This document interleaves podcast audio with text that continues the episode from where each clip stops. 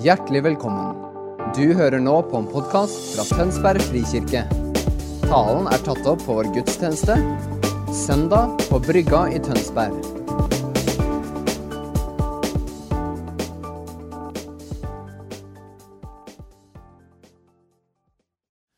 Jeg holdt på å si det er godt å se dere, men det, det er jo ikke sant. Jeg håper det er godt for dere å se meg. Jeg ser bare en sånn svært lys, og så ser jeg noen her nede. Men jeg, jeg kjenner at dere er der! Nei, Hyggelig å, å stå på talerstolen igjen. Det er faktisk en stund siden. Her er det faktisk i februar, tror jeg. Ja, og så var det i påsken. Da talte jeg, men da var det på en liten sånn der video oppe på kapellet. Ja. Jeg skulle egentlig talt her i første gudstjeneste august, men det ville ikke Anette, for da ville hun ha familiegudstjeneste, så da ble jeg skippet ut. Så sånn var det. Men nå er jeg her. Men faktisk noe av det jeg skal tale over i dag, er faktisk det jeg hadde tenkt å si i, i august. Og som på en måte har denne sommeren, som vi vet har vært litt annerledes enn andre somre, eh, virket i, i, meg. Og jeg bare si det først, at eh, dere vil oppdage at det er på en måte tre liksom, ting som jeg kommer til å ta opp. Den første tingen har jeg tatt inn av talen og ut av talen og inn av talen og ut av talen. Og så fant jeg til slutt at hvis jeg lar den være ute, så kommer jeg til å kjenne her at det var gærent.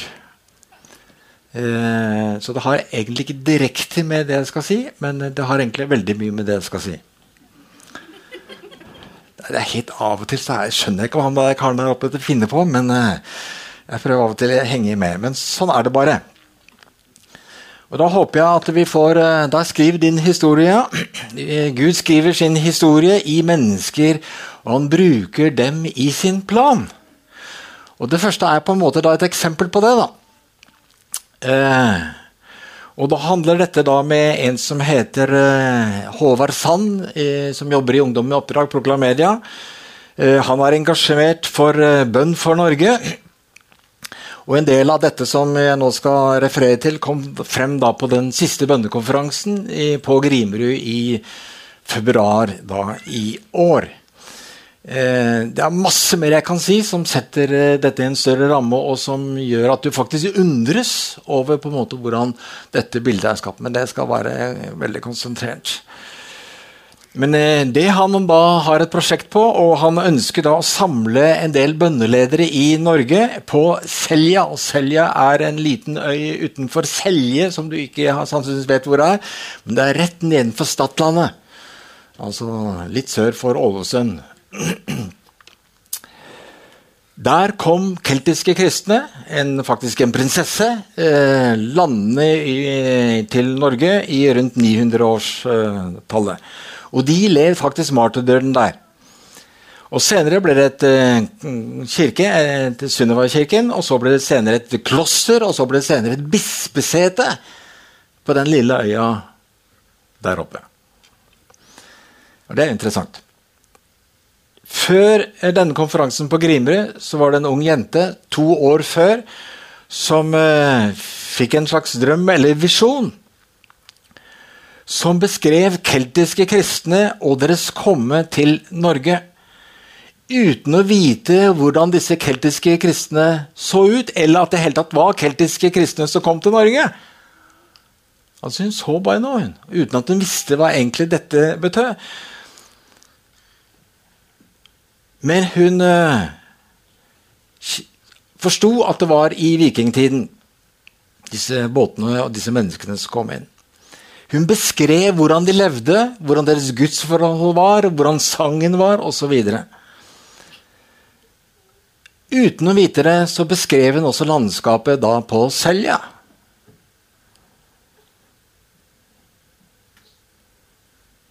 Hun så at eh, pga. disse misjonærene som kom til Norge, så regnet Gud Norge for sitt. Og det var ikke de Sunniva og de som kom til uh, Selja, som, det hadde også kommet mange andre. Men Gud regnet Norge som sitt pga. disse. Og så så hun på en måte bildet skifte. Så så hun at det ble skrevet på himmelen Da skal dere få et uh, bilde. en tekst på det.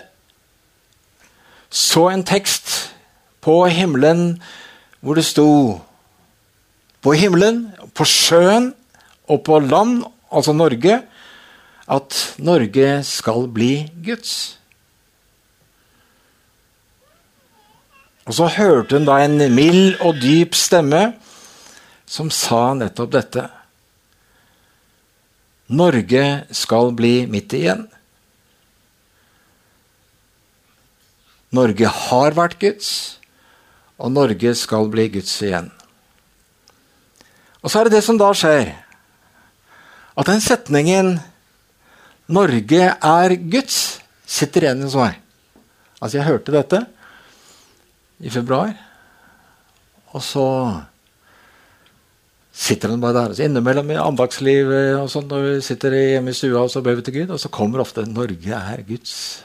Norge er Guds. Og så skulle det altså da være den der eh, greia oppe på Selje da, i juli.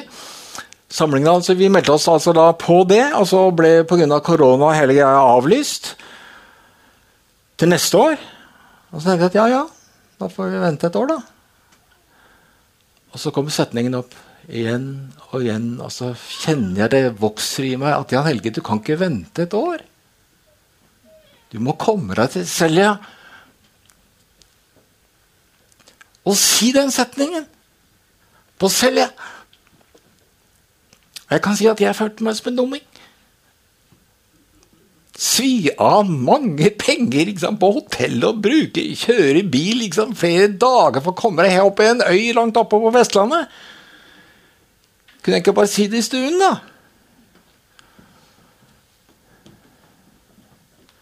Det endte med altså at Elin og jeg dro opp i september. Det er en egen historie, det. Det handler ikke om oss, men egentlig om lydighet til det vi oppfatter er et ord fra Gud.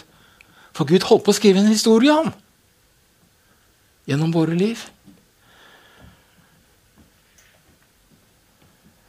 Så vet jeg at når vi handler på hva Gud sier, og sier det Han sier, så uttrykker vi en enighet med himmel, slik at Hans vilje i himmelen kan bli løst på jorden. Det er Fader vår. Og så er også det greske ordet homologia, bekjenne, handler om å bekjenne, si det samme som Gud sier. Når vi sier det Gud sier, så skjer det noe i det åndelige. Og hvis du kjenner på det, da, så kan jo også du være med på å tale ut det som ble skrevet på himmelen, på sjøen og på kongeriket Norge. Norge skal være Guds. Og så har jeg liksom en tanke at Årsaken til at jeg skal si det her, er at det ordet nå, før neste år, skal gå ut. Og så tror jeg at Gud vil kalle på mennesker til nettopp å bekjenne den setningen som Gud har sagt i himmelen. Og så må jeg si noe som jeg ikke helt har ryddet opp i huet. og Det jeg la merke til, er at det sto 'Norge skal være Guds'. Men det på en måte bare, når jeg sa det, så sier jeg Du skal si 'presence'. Norge er Guds. Og jeg kan jo ikke si det, for det er ikke sant. Og så er jeg liksom Altså jeg forsont meg. Ok, Jan Helge, Hvis du skal si noe som helst, så kan du gjerne si Norge skal bli Guds. Men det du iallfall må si, er at Norge er Guds. Kjære forsamling, så vil jeg si det. Norge er Guds. Fordi han har sagt det. Og det viser meg at det er noe som allerede er på vei. Og det gir meg nesten frysninger. Gud skriver sin historie og bruker oss. Lite eller mye. Så 2002 har vært et spesielt år så langt. Hva ønsker Gud å si oss? Hele verden er jo blitt uh, rystet. Og når det skjer sånne ting egentlig alltid, så er det lurt å stille det spørsmålet Gud, hva har du å si oss? For jeg tror faktisk han har noe å si oss hele tiden, ja. men det er kanskje spesielt i slike tider så er det lurt å spørre Gud. Og da er det noe som så fremfor meg, som jeg egentlig ikke bare følger for meg selv, men som jeg hører på internasjonale taler og sånt, eh, bønnegreier og sånt. Jeg har vært på mange spennende internasjonale bønnemøter. Jeg visste ikke at det gikk an, men faktisk, jeg har bedt sammen med tusenvis av kinesere og arabere, og overalt på hele kloden er det bønnemøter på nettet, og så ber vi sammen! Det er kristne, det. Dette. Det skjedde jo ikke før denne koronagreiene. Men nok om det. Det som kommer frem, er faktisk Det er flere ting, men ett ord som jeg da har eh, grepet tak i, er ordet refokus. Jeg tror Gud sier refokus. Og så kan vi lure på hva mener han med det? Og jeg tror at det handler om at han er og må være vår livskilde. Så syns jeg det er interessant å høre på talene faktisk her i, siste, i forrige måned. Og alle sammen, i forskjellige måter, så peker de faktisk på Jesus. Fra Kristoffer om å dempe ned internettgreiene og holde hviledag, til Halvor. Og Anette var inne i det. Og alt peker i samme retning, med forskjellige ord. Så tror jeg at Gud utfordrer enkeltpersoner, og menigheter også, men iallfall vår, til et nytt fokus, eller nytt fornyet fokus på Gud som vår livskilde. Og få styrket en erkjennelse at vi trenger Han for å leve som kristne. Og Det er på en måte en sånn selvfølgelighet, da, men hvordan ser det ut? Og så kan jeg si med en gang at det ser forskjellig ut for oss. Aktivitetene som det betyr, er, er forskjellige. Men det viktige er at du finner ut hvordan du kan fornye ditt fokus på Jesus Kristus. Slik at han blir mer din åndelige livskilde. Og så tror jeg det er en underliggende holdning som jeg tror er kjernen i dette vi snakker om og som jeg tror altså da Gud vil at vi skal gripe. For det har betydning for det som kommer videre. Etter 2020. For det kommer noe etter 2020. Og dette skal jeg snakke litt om. Og Da skal vi gå tilbake til andre kronikerne 714. Hvis da dette folket som mitt navn er nevnt over, ydmyker seg og ber, søker meg og vender seg bort fra sine onde veier, skal jeg høre dem fra himmelen, tilgi dem syndene og lege landet. Dette er et, et skriftsted som vi opplever Gud har faktisk gitt menigheten for et par år tilbake. Altså Det er ikke hvilket som helst vers, men det er vers som Gud sier Ta vare på dette, forstå dette. Det er en spesiell relevans for kapellet vårt. Det er også et vers som brukes i mange bønnesammenhenger. Og det er et vers som du ofte kan bli hørt, altså høre og treffe på.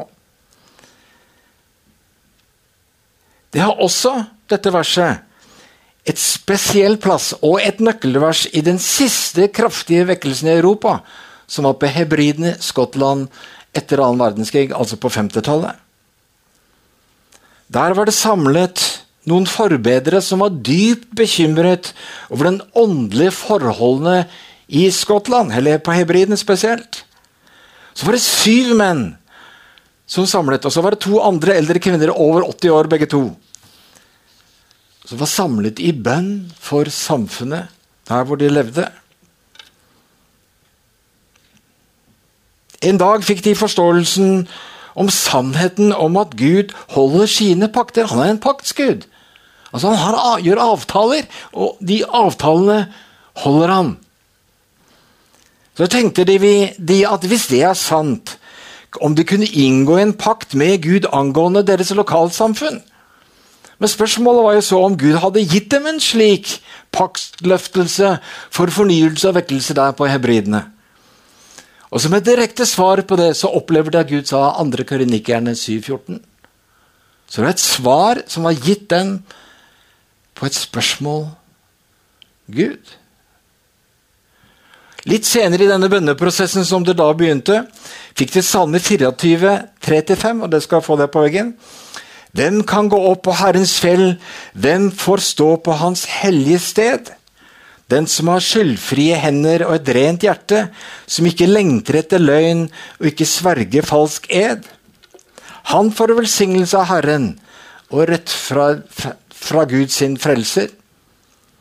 Og så spurte de er våre hender rene og skyldfrie? Og de skjønte selvfølgelig at det var ikke bra nok. Ingen holdemål! Slik at de virkelig kan forløse Guds rikes virksomhet og komme frem for Gud. De ydmyket seg, falt på kne i bekjennelse og innvielse. De kjente at de desperat trengte Gud og hans virksomhet. Klokken fem om morgenen kom gjennombruddet. Stedet ble fylt av Guds nærvær og hellighet. Og ting som fulgte, er helt ekstraordinært. Det sprenger våre forestillinger om hva Gud kan gjøre. Mennesker ble sopt inn i Guds rike. Folk ble frelst overalt. Og de sier faktisk at 70% av alle omvendelser skjedde utenfor Guds hus. Bare ta inn den. Altså, Det blir frelst på barer, på åkrer, på veier, i hjem. Samfunnet ble forandret fordi folk begynte å leve annerledes. Fordi de var omvendt av Gud. Altså, De omvendte seg ikke selv, men de ble omvendt av Gud. Og fylt av en gudsfrykt og ærefrykt for ham. Så er spørsmålet kan vi kopiere dette. Det har vært fint, det. Men å prøve å kopiere hva disse syv og disse to kvinnene gjorde, vil nok ikke nytte. For det var noe som Gud ledet dem igjennom. Men å gjenkjenne Guds rikes prinsipper og hvordan Gud handler, det kan nytte. Og Så ser vi da i vekkelsessesjonen, ikke bare på hebridene, men i Wales i 1905 og også i 1850-tallet også i Wales. To kjempestore vekkelser som ligner mye på denne på hebridene. Fellesnevneren er at noen lot seg gripe av lengsel etter Guds virksomhet. Noen få. Og denne lengselen etter Gud kommer fra Gud og gis av Gud. Og det må vi forstå. Hvis ikke Gud gir deg den, så får du den ikke. Og så lot de seg lede, ikke minst, ved å gjøre det han sa. Selv om det kostet. Men det tålte de fordi Gud nå virket i dem. Og det er lurt å forstå dette. Hva sier Gud til deg? Hva utfordrer han deg til? Som oftest vil han eh, begynne med noe som er enkelt.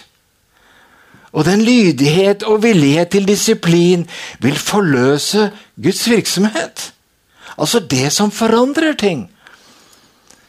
Og det er viktig å forstå at Guds virksomhet kan vi ikke lage selv.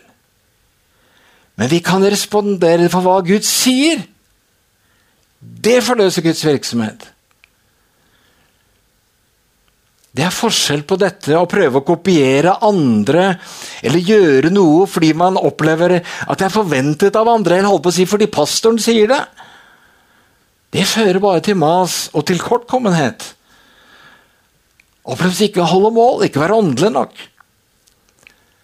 Altså et refokus på Gud handler om å fornye en holdning i forhold til Gud. Ikke alt av hva du skal gjøre. En holdning. En hjertesholdning. I vår menneskelighet tenker vi lett som barn klare selv.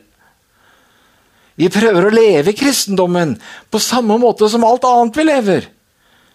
Men Gud tenker annerledes, og da skal du ta et bilde på veggen. Han vet at vi trenger hans virksomhet i våre liv. Og da er det det klassiske ordet Filippenserne 2.13, som ikke bare jeg liker, men Morten også. Jeg håper jeg menigheten liker også. Dette er fantastisk vers!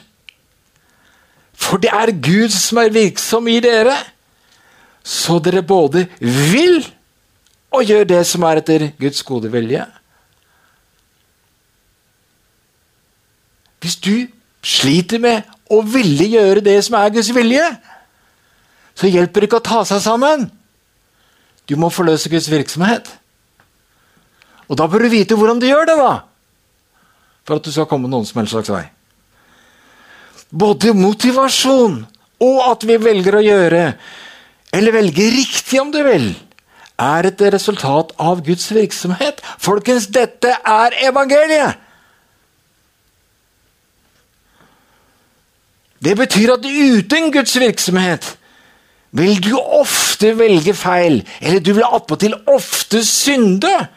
Og hvis du lurer på hvorfor du synder ofte, er det fordi du mangler Guds virksomhet i ditt liv. Jeg spisser sånn passe til nå. Dette beskriver altså evangeliet og et svar på syndefallet. Og vi trenger å huske på at i Guds perspektiv er ikke selve de syndige handlingene det store problemet, men vår uavhengighet av Gud klare selv. Klare selv eller bestemme eller satse på egen styrke eller ressurser er et uttrykk for uavhengighet fra Gud. Og han blir da ikke vår Gud, som kan virke i oss. For det handler om å la Gud være vår Gud ved at vi ydmyker oss for Han. En avgjørende holdning, neste bilde, som beskriver dette er uttrykket ydmykhet. som jeg altså da, Det beskrives da i 2. kronikerne 7,14. Og jeg tror at ydmykhet er en kjempenøkkel i Guds rike.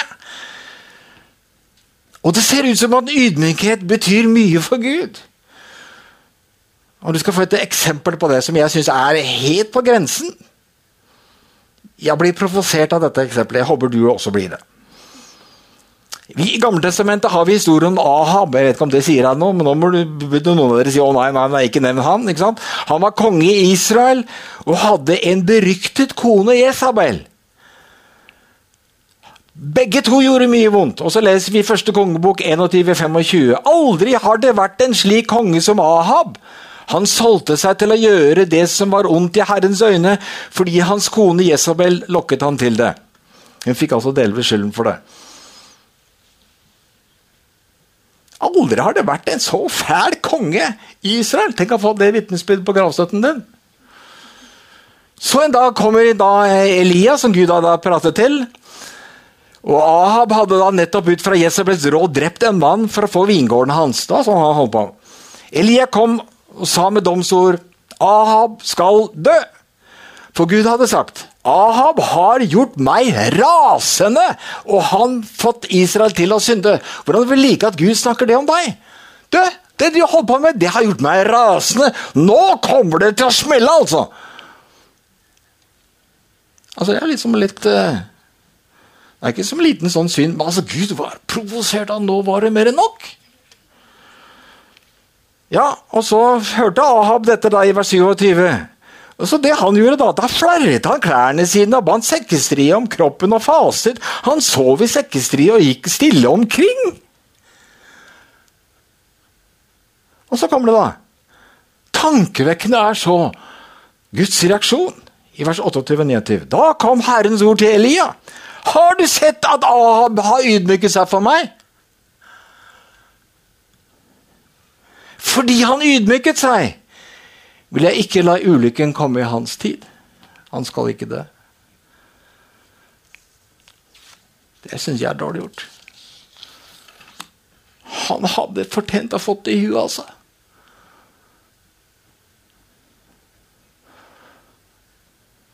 Hvis du tenker på det, den største kjeltring som hele tiden har gjort deg noe gærent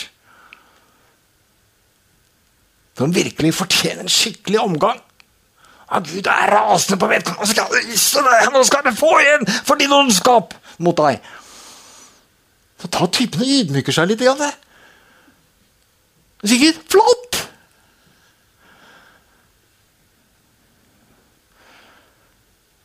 Jeg tror det er en del ting vi ikke skjønner om ydmykhet. La oss altså huske dette når folk rundt oss gjør gale ting mot oss. Peter sier det slik i Nytestamentet, 1. Petter 5, 5-7. Og alle skal dere være kledd i ydmykhet mot hverandre. For Gud står de solgte imot, men de ydmyke gir han nåde. Ydmyk dere da under Guds mektige hånd, så han kan opphøye dere når tiden kommer. Kast alle deres bekymringer på han, for han har omsorg for dere. Altså, Du kan begynne å kaste bekymringene dine og alle dine greier på Gud når du er i en ydmykt forhold til ham. Det er en nøkkel, altså. De ydmyke er han mer enn villig til å gi nåde. Så handler han både tilgivelse for de gærne du har gjort, men også at han løfter deg opp og ut av det og gir deg de svar du trenger. Hvorfor står Gud de stolte imot, men gir de ydmyke nåde? Hvorfor er ydmykhet så viktig? Og jeg tror det har med skapelse å gjøre. Mennesket ble skapt til en relasjon og ha Gud som livskilde. Et annet ord er avhengighet, som du kanskje forstår bedre. Vi ble skapt til å høre fra Gud og erfare hans virksomhet i oss. Hans motivasjon eller kjærlighet, og så en kraft fra han til å være og leve i Guds gode vilje. Altså Det han forventer av oss, har han gitt oss mulighet på forhånd. Og Det er et helt annet bilde enn det verden prøver å tegne av Gud. Og ofte kristendommen er tegnet av Gud også. Syndefallet brøt dette forholdet. Mennesket ble uavhengig, klare selv. Og dette er grunnsynden som alt annet springer ut ifra. Det gjør at vi mister den grunnleggende kjærligheten og blir selvopptatte, egoistiske. Og at det er lite naturlig å ydmyke seg og søke Gud. Og det blir skjebnesvangert. For da mister vi hans virksomhet i våre liv. Svaret på dette er ikke at vi prøver i egen kraft å ta oss sammen. Det er fortsatt uavhengighet eller stolthet. Men når vi erkjenner at vi virkelig trenger Gud, og ydmyker oss, bøyer oss mot Gud Ikke bare for tilgivelse for våre synder, men også for vårt daglige liv. Da kan Gud frigjøre i oss det vi trenger. Dette er evangeliet. Og dette er å ha et rett fokus på Gud. Hvordan er det med oss? Neste bilde. Lever vi i en ydmyk holdning i forhold til Gud? Det handler om at vi erkjenner at vi trenger Han. Ikke bare for tilgivelse for våre synder og frelse til evig liv med Han, men også at vi trenger Han hver en dag. Hver en dag trenger jeg Hans virksomhet. Eller åndens frukt, da. Når Jesus talte om vintre, så skal vi innpode til Han. Og Det er en ydmykhet det, som forutsetter det. Da bærer vi frykt, sier han. David sier det så vakkert og betegner i Salme 16,8. Jeg setter alltid Herren for meg. Han er ved min høyre hånd. Jeg skal ikke rokkes, fordi jeg har satt Herren foran meg. Og han gjorde det hver en dag. Og nå er det slik at De fleste av oss vi har litt problemer med å på en måte få skjønne disse åndelige begrepene. Så av og til er det greit å knytte troen til litt fysiske ting. Og her oppe i, når jeg satt her før på bønnemøtet, så sa Gud til meg liksom følte jeg da, Det er en sånn rar tanke som kom. Gud, tenn et, ja, Helge, tenn et lys for dem! Så skal jeg tenne et lys. Derfor dette her. her. Håper dere alle ser den. Hver morgen, kanskje flere ganger om dagen, Når vi kommer på gudstjeneste, når vi kommer på bønnemøte, eller du har lite andagsstund for deg selv eller bønn sammen med andre, er det en huskirke hvor du er, hvor bør Jesus være? Han sier at han er midt iblant oss, han. Men ser du at han er midt iblant? Erkjenner du at han er midt iblant? Vil du ha ham midt iblant? Er det bevisstgjort at han som vi trenger i dette møtet, hva slags en møte det er, er at han virker på oss? Derfor kan du tenne et lys og si, 'Herre Jesus, du er verdens lys'. Nå ser jeg at du er her.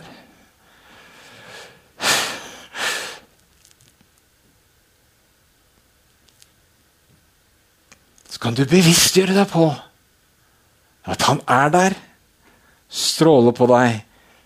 Og like mye som du ser lyset, så kan du tenke at han åndskraft virker på deg. Slik at du ønsker og vil gjøre det som er i hans behag. At han skaper den åndelige frukt i ditt liv. Fordi du ga han rom til å lyse på deg.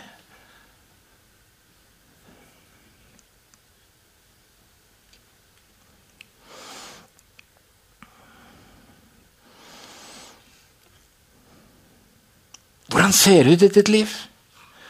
Hva gjør du for å styrke den åndelige Guds hjelp i ditt liv? Hvordan lever du ut ydmykhet overfor din Gud? Nå skal vi gå mot avslutning. Og Hvis du vil leve i ydmykhet fremfor Gud, så kommer den opp på veggen. Så én, tydeliggjør for deg selv og Gud at du trenger Han. Tenn et lys om det er sånn å gjøre. Heis et flagg. Gjør hva du vil, men bevisstgjør for deg selv så ofte du kan. Gud, jeg trenger deg! Jeg vil ikke glemme deg i alt maset rundt meg. Stopp opp erkjenne jeg trenger Gud. For ellers skjer ikke noe åndelig forandring i mitt liv. Bli gjerne inspirert av andre og det de gjør av aktiviteter i andagsstund. Men finn ut hva som er en god begynnelse for deg.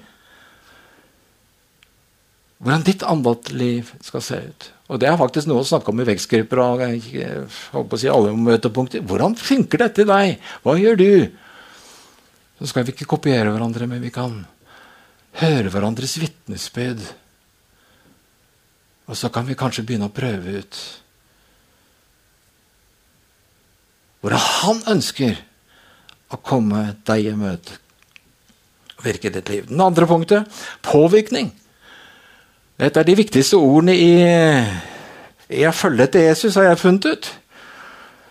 Utsett deg for Guds påvirkning. Hvis det er snakk om en gudsvirkelse, så må du utsette deg for den virkningen, og det er å bli påvirket. Noe er der der at de på egen hånd kan påkalle Guds nærvær og erfare hans virksomhet. Jeg leste her om Frank Mank, som er den siste store vekkelsespredikant i Norge etter annen verdenskrig svære vekkelser både i Finland, eh, Norge og, og Sverige. Han, han, og han uh, satt i sin andaktstund, så pleide han å si 'Fyll meg, Hellige Ånd'. Kom, Hellige Ånd, fyll meg, Hellige Ånd. Så sa han, så kommer Den hellige ånd og fyller meg. Så kan han fortsette å skrive sine prekener. Og når han kjente at det dabbet, da, så sa han, kom, kom fyll meg, Herre Jesus. Altså, De fleste av oss er ikke der. Jeg er ikke der. Og hva trenger jeg da? Dere! andre som jeg sammen kan finne dette nærværet. Der hvor Kristus er samlet midt iblant oss, to eller tre. Det kan være altså da på gudstjenester, i huskirke eller grupper eller hvor du vil. Det er slik at når vi er sammen, vil andres åndelige liv og det vi gjør sammen, påvirke oss åndelig. Du skjønner Det at du kom inn i denne kinosalen her i dag, så påvirkes du av den åndsatmosfære som vi frigjør i dette bygget. Med den lovsang, det at vi er her, det vi har bedt sammen, ved mine ord som jeg preker, så er det en påvirkning. Og så er det gjenkjenner den og ta imot den. Vi dras nærmere Gud. Og som regel er det helt umerkelig. Men det vil altså hjelpe oss i vårt andagsliv med Gud, hvor vi uttrykker vår avhengighet eller ydmykhet til Han. En ydmyk holdning fokuserer ikke på det vi liker eller ikke liker. La oss ha det med oss. For det er jo selvopptatt, dette. Men på at vi trenger Guds virksomhet i oss. Selv om det kan utfordre oss og våre komfortsoner. Og så en veldig viktig setning til slutt. Guds hjelp og virksomhet, hans nærvær, handler ikke om å føle ting. Det sier jeg i en kjerke hvor vi er eh, Gjerne kan vi føle ting. Å føle ting kan være fint. At du føler Guds nærvær, det kan være helt flott. Men det handler ikke om det. Det avgjørende er å forstå at Guds virksomhet styrker din motivasjon. Din vilje til å ta valg som Gud vil. Jeg skal si det en gang til. Det det handler om Guds virksomhet er ment å gjøre noe med motivasjonen din. Slik at din vilje til å ta valg som Gud vil, styrkes. Og det vil du merke at det som Gud er, det Gud vil, blir lettere å velge. Det blir lettere å si nei til synd. Lettere å si ja til åndelige aktiviteter som Gud ønsker for deg. Folkens, det er kjempelurt å skjønne dette. Jeg har skjønt dette her for en stund siden. Og jeg har funnet ut at eh, hvis det er noen, så skal jeg ikke begynne å bekjenne mine synder for dere, men hvis det er på en måte ting som jeg stadig detter nedi, så skjønner jeg få has på det. Det nytter ikke å prøve å ta meg sammen, men søke Guds nærvær. Bevisstgjøre meg på Han, og så kjenner jeg da Da tar jeg lettere de valgene etterpå. Så kom til kjerke! Guds nærvær slik at du kan begynne å ta de rette valgene den uka som kommer. Det er hans nærvær, hans virksomhet, som skaper en forandring i våre liv. Nøkkelen er altså hans virksomhet i deg, filippenserne 2.13. Ydmykhet og ønske Guds hjelp er veien altså inn i dette. Kjære Herre Jesus så siver det ofte som en floskel. Slagord. Det handler om deg, Jesus. Ja, sannelig handler det om deg. Herre Jesus, så vil vi bekjenne deg. Du er vår Gud, og vi vil bøye oss for deg. Og vil si at i dag, Herre Jesus, så trenger jeg deg. Jeg trenger at du taler i min ånd, inn i min sjel slik at jeg hører din stemme, og også erfarer åndskraften i meg, som overtaler meg til å følge deg. Og da vet jeg her at ånden skaper sin frykt. At ånden skaper sin forandring. Som jeg ikke kan skape. Herre Jesus, så jeg at vi som menighet sanner ditt ord til oss. At vi ydmyker oss. At vi skjønner at i denne kjerka kan ikke vi drive på, drive på egen hånd. Herre Jesus, at vi desperat trenger at du virker i oss. At du får din vei i oss. Og så vil vi tale det ut. Legedom forbi. Legedom for land. Herre Jesus, at dette skiftet skjer. At Norge blir Guds. Ber vi om i Jesu navn. Amen.